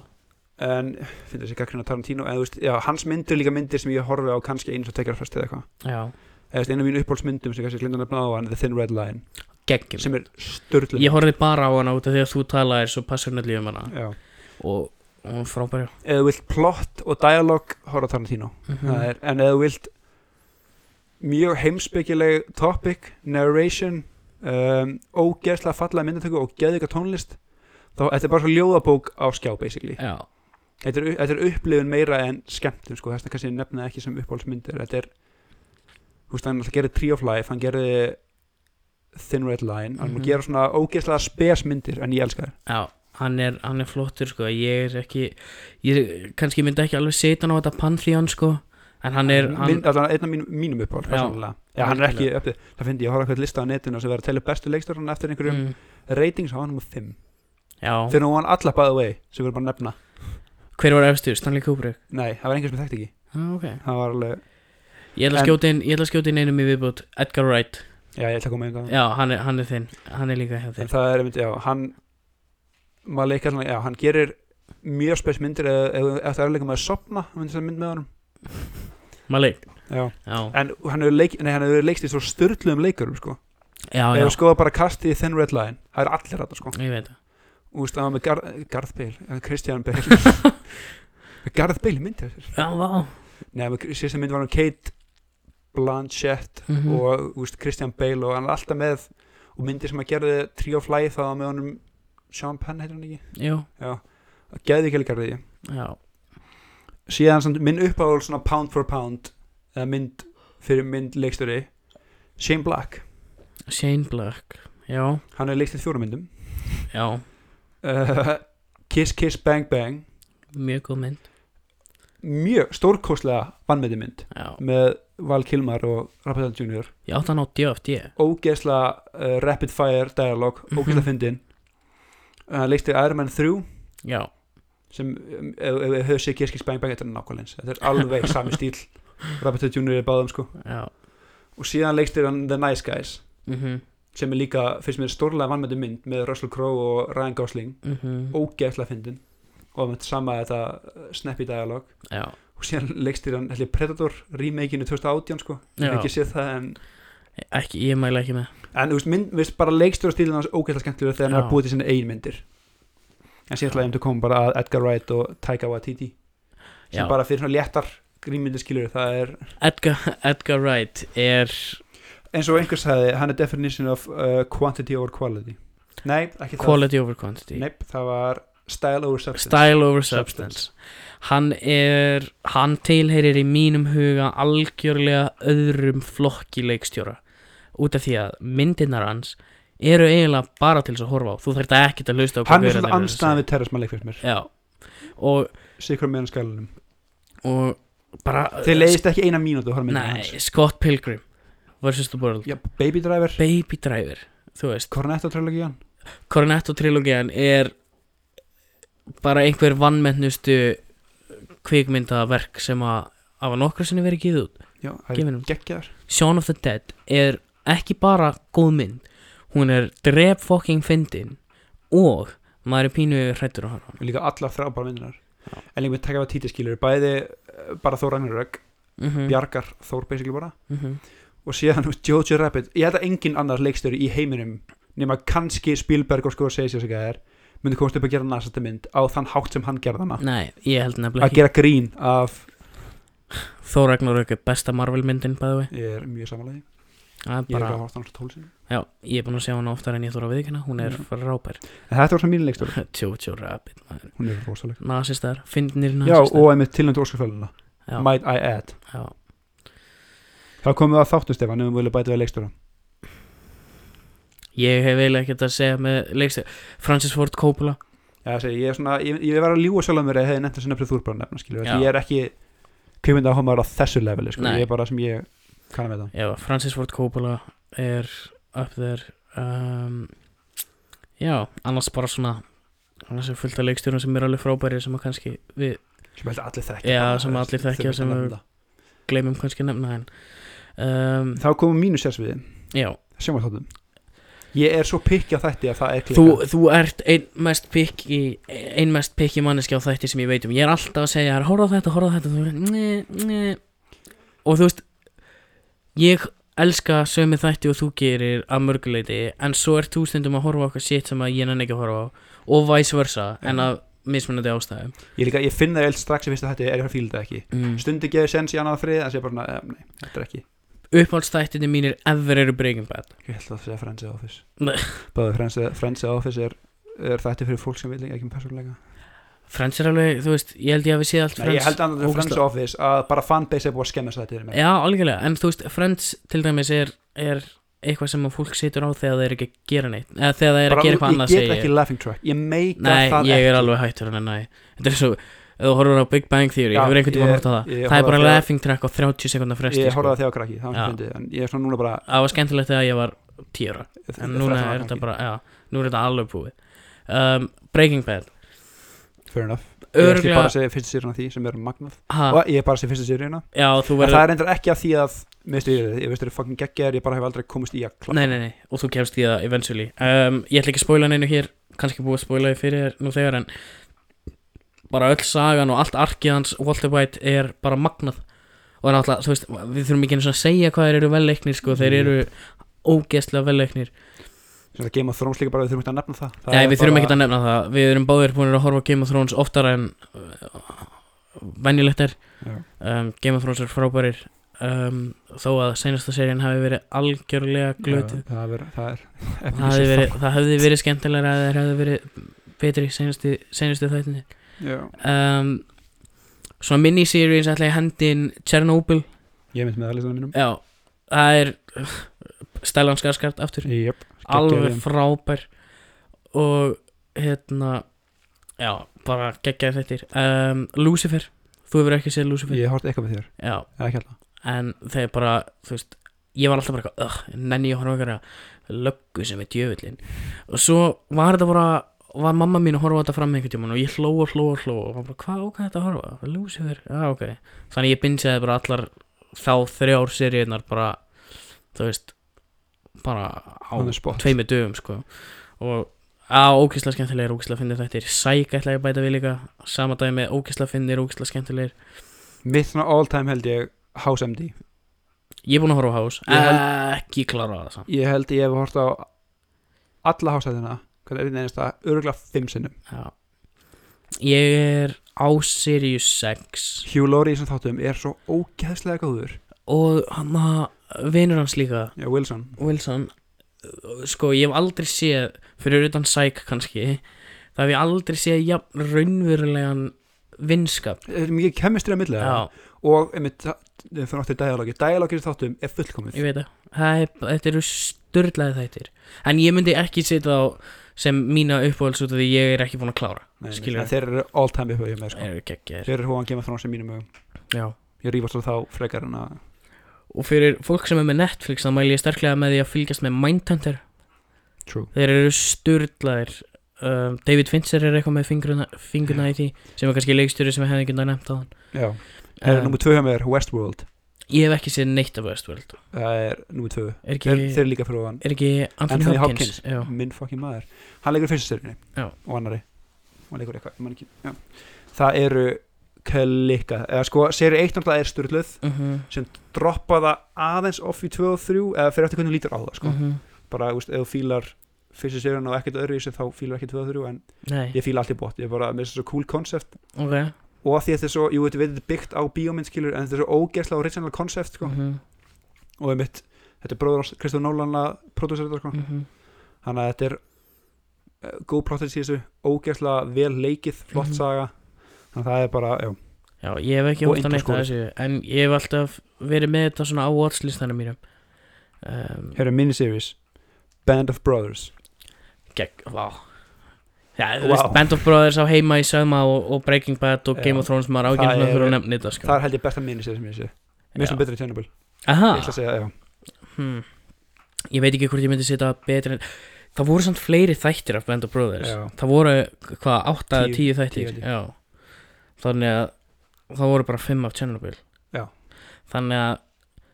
Og að vera með consistently bara sko næstu þetta í er Spielberg að pródúsera Já, þessu, næstu í skilurðu, halló. 10 af 10 þættir hvern Já. einasta þátt, þú veist, þetta er alveg Þú veist, og Chernobyl er- leikararnir, fucking leikararnir í þessu þú veist, James McAvoy Fassbender þú með Fyrst fucking þú sér Tom það, Hanks já. Tom Hanks, er það ekki segja Pride Ryan nei, ha- Tom Hanks, nei, hann var að Ekki Tom pródusera Hanks. þetta, Já, hann var að hann pródusera þetta pródúsera fyrir ekki hann var að pródusera hann var þetta ekki leikið en nei, bara liðið sem hún með í kringum þetta innan gæsalappa mini-series, Hvað heitir hann skilur aftur í leik í Homeland? Ginger, týrið hann Hann er Ginger Mónar hann sjókur Eyjó. það bara um, ég man það ekki Já, allan að hann leikur í þessu já, Þess, Það eru geðveikir leikarar í þessu Og það er svo ógæslega vel leikið Og þetta er alveg nokkurt veginn Mjög historiklega accurate sko Að lang flestu leiti og þetta er Þetta sko, er alltaf byggt á Sögusögnum gæjana þú veist, já, Þú heyrir já, þetta já. Þetta byrja alltaf viðtölum við raunverulega gæjana sko. já, já. mér finnst líka svo gaman að sjá hann gaman að sjá mér finnst alltaf ég magna að sjá sko settingi Já. hvernig þeir ná að búa til og ekki bara visuáli skilur heldur bara væpið Ég líka, þetta er ekki verið eitthvað svona upphefja stríð Þetta er ógæslega greim þetta er Og þetta er alvöru. ógeðslegt þú veist þetta, þetta er svo þetta er svo ógeðslegt að horfa á þetta Þegar fyrir Friends aðdæðendur hann fucking, mm, ég veit ekki nördin að það, hristaðal nördin, leikur í þessu uh, fuck, David Summer Deðið sumur, já, já skemmtilegu karakter í Friends A- hann er umöluð karakter í þessum þáttum það er hann ætti í, í Band of Brothers Band of Brothers. já, já. með þeir hann er mjög Pumpa. góður í að leika leiðilega karaktera síðan er Guilty Pleasure, eða kannski Guilty Pleasure góð seria sem við varum með þetta, The Mentalist já, mjög skemmtilega og binsanleg seria Já, ég ætla, ég ætla að koma þá inn Psych, eða þú veist, ég var Já. búin að nefna það En það er svipa premiss og Þeir eru mentalist bara ná- nána sama konsept uh, Jú, og þeir referensa stundum í Psych já, mitt að, Þú veist, eh, ef einhver er að gera grína einhverjum þáttum eða eitthvað Þá verða þeir brjálæðir ef það er verið að gera grína mentalist og eitthvað Sem Já. er alveg frábært, þú veist, þeir eru svo self-aware þú tókst Chernobyl frá mér mm. en síðan er líka bara svona fyrir grín þætti Parks and Rec og Silicon Valley Parks and Rec er alltaf leið, ég hef bara hort á fyrstu seríu en hot take varandi Parks and Rec ég fíla ekki Chris Pratt mér finnst hann ógstæðlega leikari ah, Luka er svo fýtt gæi, ég var til að hanga með hann mér finnst hann ekki skemmtilega leikari jú, mér finnst hann geggjari Parks and Rec en ég þóla hann ekki í Marvel heiminum Í Garðsjóð og Garðsjóð Já, mér finnst hann svo leiðilegu karakter Ég þóla hann ekki bara eftir að hann klúraði allir fyrir um hann með Thanos og það. Mér finnst líka pyrrðu fyrir það sko Mér finnst svona, Mm. Það var eitthvað við hann í sem ég er ekki að digga sko Já, já, Eða hvað hann er, hvað hann er ógeðslega upphafinn já, af fanbæsinn aftur já, já, það er alltaf leið. En Silicon Valley geggjaði þetta Ég hef ekki séð það. Það er en mælum að tjekka um HBO haldi HBO, já, það voru þetta gott. Það er bara svona stamp of approval einhvern veginn. Já, þetta er HBO er bara... TJ Miller leikur í þessu og- TJ, Já, TJ fucking Miller, því líka fucking gæði maður. En já þá er ég komið þetta mín allavega sko Já, ég hef eiginlega ekkert við þetta að bæta í rauninni. Þú veist, Narcos eru fínir þættir. Já, true, Um, uh, náttúrulega Stranger Things, ég veit ekki hvort að þú hefði séð það. ekki svo The Last Dance The Last Dance er náttúrulega... Og The Ah. Defiant documentary. Ones by the way Ó, The Defiant, ég er búin að horfa á Defiant One nokkru sinnum sko. Þeir eru geggjaðir Bara svo gaman að, þú veist, ég vissi ekki að, ó, hvað heitir sköllóti gæðin áttur? Jimmy Iovine Jimmy Iovine, ég vissi ekki að hann væri til fyrir ég horfa á Nei, þetta heldur. Þetta er sett um, fyrir þá sem við ekki séð þetta Þetta er um basically Riz, Jimmy Iovine og Dr. Dre sem saman byggur til Beats og þetta Já, pældi í- það er saga í þessu sem ég langar að segja hérna þegar að Jimmy Iovine var að byrja og hann var að byrja sem þú veist hann var einhver svona þú veist sekretæri hjá einhverju já, prulötu fyrirtæki eða eitthvað já hann, var að, var hann, ekki, að- hann var að sópa hjá þeim held ég Jú, hann var að sópa og hann fekk síntal að hann þurfti að koma inn á páskadag og það, að, þú veist, ramkaðalskur já, hann er ramkathólskur hann- ítölsk fjölskylda og allt þetta skilur bara hvort hann og hann segir bara, heyrðu, ok fer á páskadag, niður í stúdíó og þar er engin annar heldur en John fucking Lennon það var hans fyrsta gig sem það var pródúsera. hans fyrsta gig sem pródusir og hann sagði að engineer já, engineer, já. og hans og gæinn sem að var hann að átti þetta stúdíu og sagði bara, heyrðu, já, ég vildi bara sjá hvort þú væri dedicated, hvort þú myndi koma inn á páskadag núna veit ég það og eftir þetta varð hann bara, þú veist, hann var bara one of the biggest names eftir þetta, þú veist, já þetta hjálpaði prodúsaði honum. fullt af flottum plötum, þú veist, með uh, Patti Smith og, og, og fleirum og fleirum, já Ég- örfáum nöfnum ykkur ég man ekki, ég man ekki hvað þeir heita aftur hann að, jú, Tom Perry and the Heartbreakers já hann pródúseraði shitload sko Já, en svo náttúrulega var hann bara svo náttúrulega var hann bara entrepreneur sko Þú veist, og fór með þetta miklu lengra heldur en fólk þorði að halda að hægt væri einhvern veginn já, hann svona defied all odds einhvern veginn The Defiant Ones Já. Ok, heyrðu, hendur hverju, demba hverju leikara Leikara Leikara eða leikonur, ég var að taka Leikara. leikara fyrst Byrjum að leikara Ok Já, því ég, já Ég uh, ætla að byrja á my main man Anthony Hopkins oh, Mér finnst einhvern veginn allt sem ég sé hann í þá er hann bara geðveikur Silence of the Lambs, er þetta að djóka? Já. Er þetta að djóka? mm Hann er geggjær í Westworld Það hefur, það hefur engin nema Heath Ledger átt mynd með jafn litlum tíma á skjánum og Anthony Hopkins Jep. í Silence of the Lambs hann var on screen í 17 mínútur eða eitthvað og það er eina sem að fólk manur eftir þessa mynd Þú veist, sem er bara, sem er magnað Það er fangin styrla sko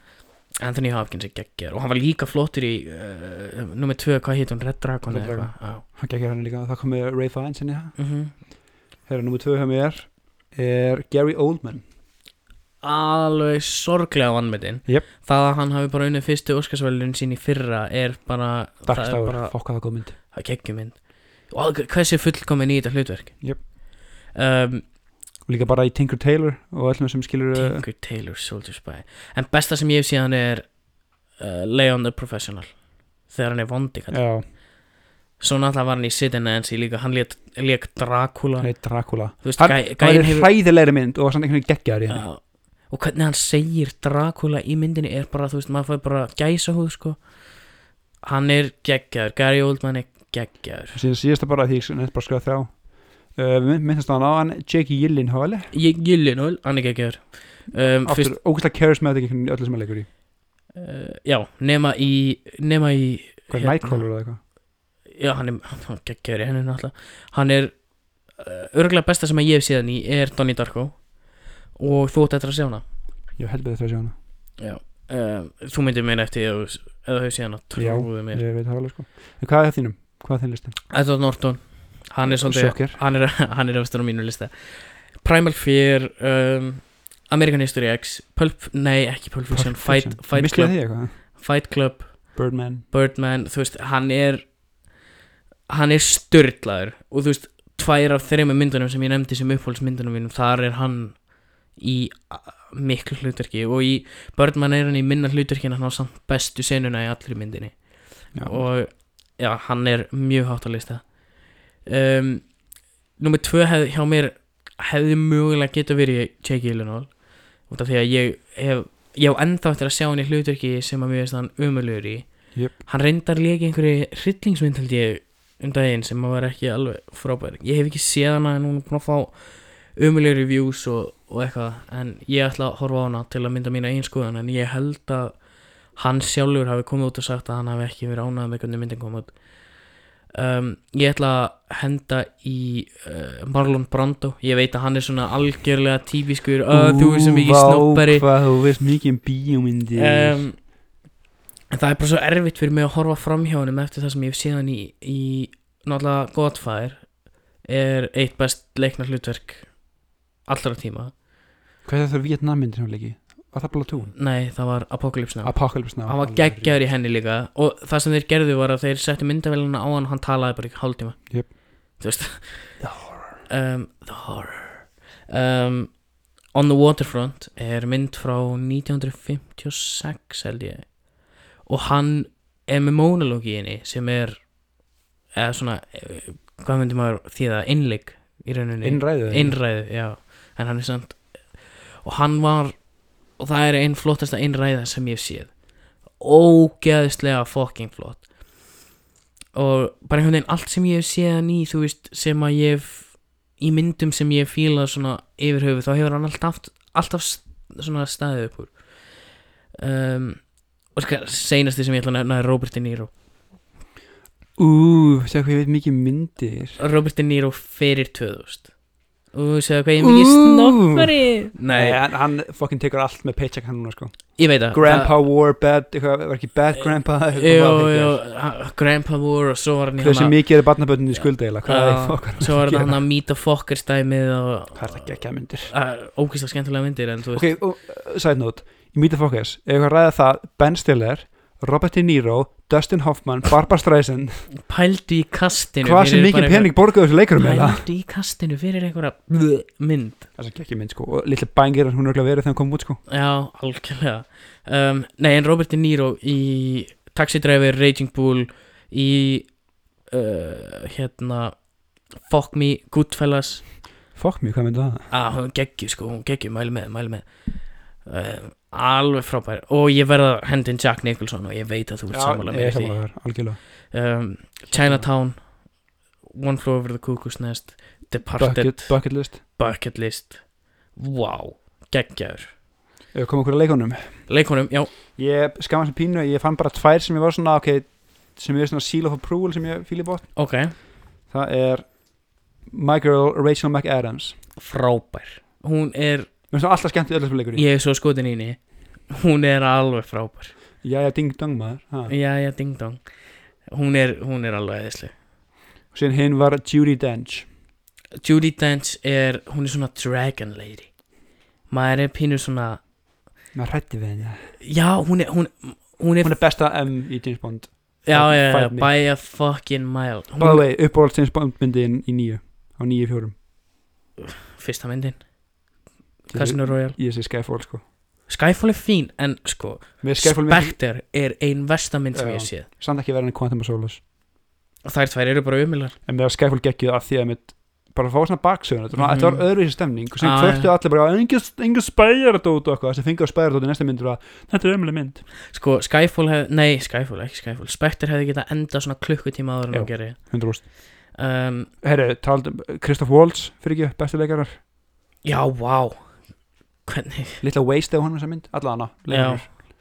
leikonur, um, ég ætla að hendi upp í lofti Charlize Theron Já, ég íhuga það eins mm hún er Ég svo bara, þú gegg fílar hana meira en hún er svo geggjuð í Monster sem er mynd sem að allir eru að horfa á bara til þess að horfa á Charlize Theron í henni Þið mun ekki það hérna, bæði nei, hún bætir á sig einhverjum 20 kílóum, rakar á sér auðabrýtnar þú veist, hún gerir allt fyrir hluturkið hún er að leika Eileen Warnos sem er,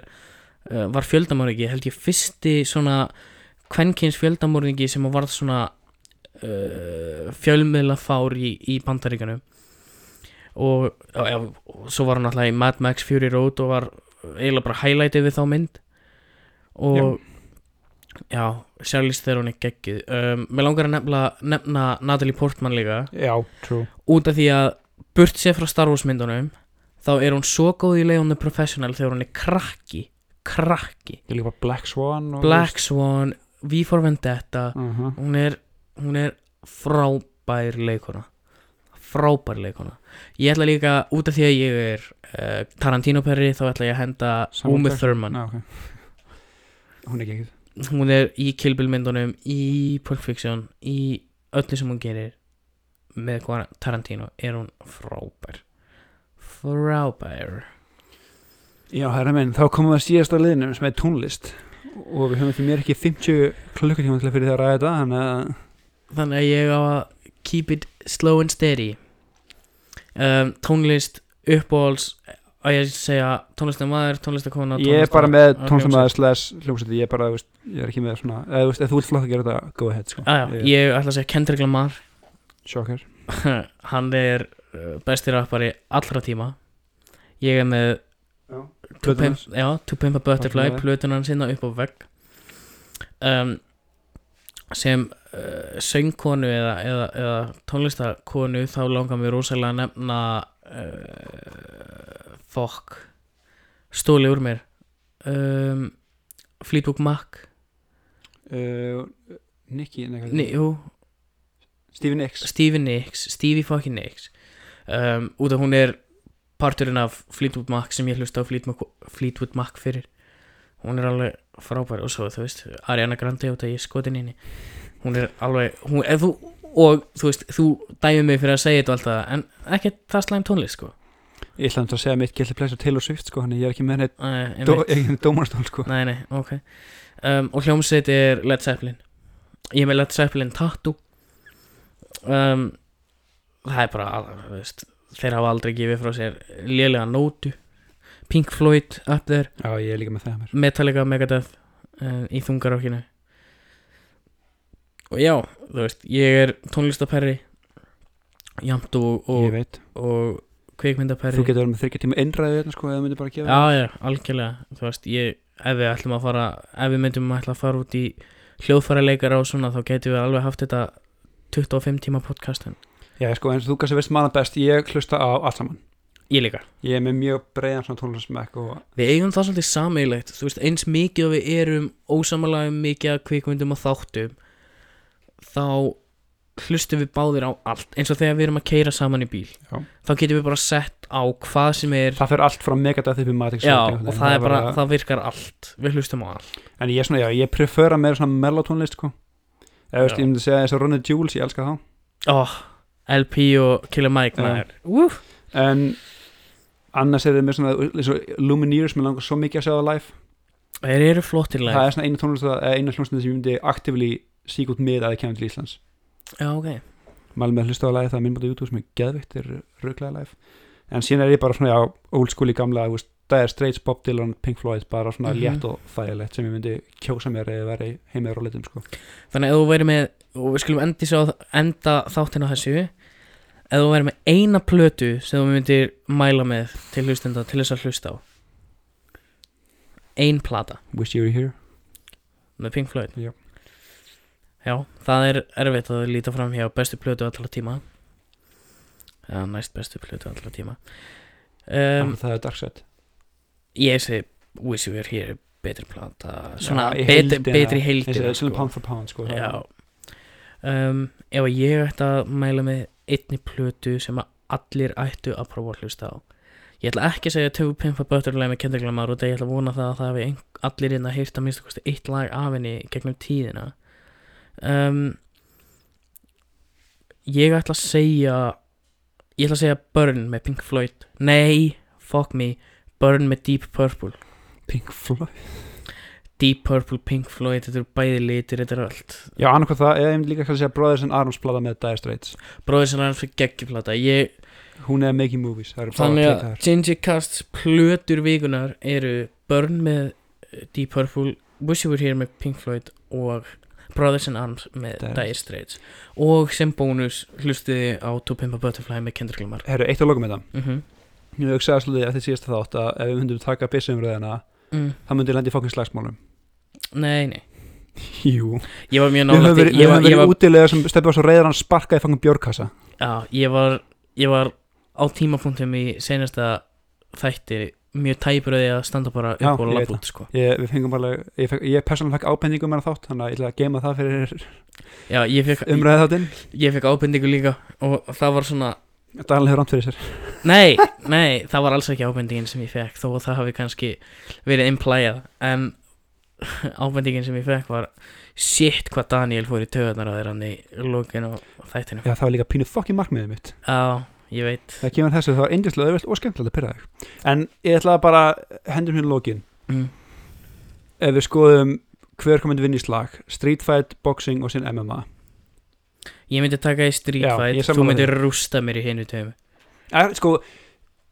ég, er með- ég, ég kannski geti kýlt þig fastar ég segja, ég, En þú MMA þá er það match fight finnst mér. Ég held að ég taka ekki boxi. þú tækir mig allan Af því ég þarf bara, ég er sko. með lengar rísið það bara forrastig Ég þarf bara að hleypi burtu og jabba þig hægt Já, og rólega en og líki MMA sko, þú ert Lomachenko þig, bara Ég- brjóta það niður En í MMA þá ertu, þú ert svona, þú ert bóndasterkur sko Þú ert, þú ert með svona, þú ert með svona farm boy strength Skilur þú, veist, þú ert, þú berða ekkert endilega alltaf á þér skilur En þú ert sterkari heldur en fólk myndi búast við Fallast MMO move sem ég teki verið þessu útilegu þegar þú ætlar að taka með hálstöku og ég einhvern veginn vippaði þig niður með löpunum Það var ótrúlega og enginn sá það ótrúlega það Það var- sem ég hef upplifað sko Ég held líka bara í MMA út að þú ert í betra formi heldur en ég sko Æ, æ, lí, ég myndi bet, Þú ert í ekki sko. betra treysta það. líkamlegu formi heldur en ég En gallið með bæði MMA og boxið er að þú nærð einu góð höggja mig þar í átt sko. Það er, Já, en eins og í bóksinu, ég myndi aldrei ná þessu höggi á þig, sko Það er málið Ég myndi þurfa að hitta þig, ég þurfa- myndi þurfa að smell hitta þig í smettið en sko. eins og með MMA það var mín tætti bara að vera frá þér að sparki þig Já, Það var- og þú getur alveg gert það Ég held ég myndi taka því Street Fight Allan einfaldlega, um daginn einfaldlega vegna þess að það væri engar reglur og ég held ég geti bara ef þú myndi nefna við mig byssur þá myndi ég bara fara bers- berserk Býta og mig fram í bara, lærið já, já, Ok, það er samanlega það já, ég held að við séum sammálu hver myndi vin- vinna í hverju ekki það að við séum eitthvað endilega að fara að slást eitthvað fyrir þennan þátt box maður, box maður Úf, seljum miða að vera miljónum manningar Sem endur í jafntefli ha, um, Nei, við erum að undirbúa bæði pissið þáttan eitthulega þáttan Já, Það verður- og- Við erum sko, pæling að hafa fymta eða tíunda annarkvort þegar að vera vitast þáttir og hinn annarkvort eitthulega við að pissu bangarinn Já, þannig að næsti þáttur verður svona Öllu líkið að vera það næsti, næsti þáttur annarkvort þeirra Já, þannig að við, við þurfum að hafa Við viljum hafa pínu reglu á þessu Þannig að það verður uh, svona stórt þema og einmitt líka bara um að vinna í að þessi, ef við ætlum að fá gesta þægilega að koma í nýja stúdíu sko. Já. ekki íbúðan okkar maður Ég hafast að kaupa íbúð ég varst að koma mér íbúð En já, þetta vikunni við viljum Við viljum vera með fakt Við viljum Já. ekki koma blindir inn í þetta eins og við kannski gerðum í síðastlinum þáttum að koma blindir inn í umræði sem við erum báðir mjög passionate um já sko það er alltaf án kom, þess að vera með cold hard facts til að bakka okkur upp líka, þetta er kannski ekki umræð sem við viljum þú veist, það er alltaf að koma blindir í sumt en þetta er eitthvað sem svona að því að við erum svo, eins og með byrjum svo hjartanlega ósamála já, að vera bara neð þú ert heimskur, neð þú ert heimskur nei, kannski já, ekki skemmtilega þáttur algjörlega og við viljum líka bara út af þetta er eitthvað sem við erum báðir svo rosalega ástyrðið fullir um og þetta er hot topic já, að þá viljum við þá viljum við gera þetta rétt þannig að það verður allan að það er næsti þáttur bara, bengar þáttur líklega Já, en það er bara komið að endalokanum á þessum þætti og Yes. ég vil þakka ykkur kærlega fyrir að hlusta og Daniel kærlega fyrir að koma og við, yes, sir. við verðum hressir og kátir vonandi í næstu viku vonandi verði ég búin að hrista þetta af mér, ég trúi ekki öðru ég vona það allan yes, sir. en anyway, ég fara bara en dag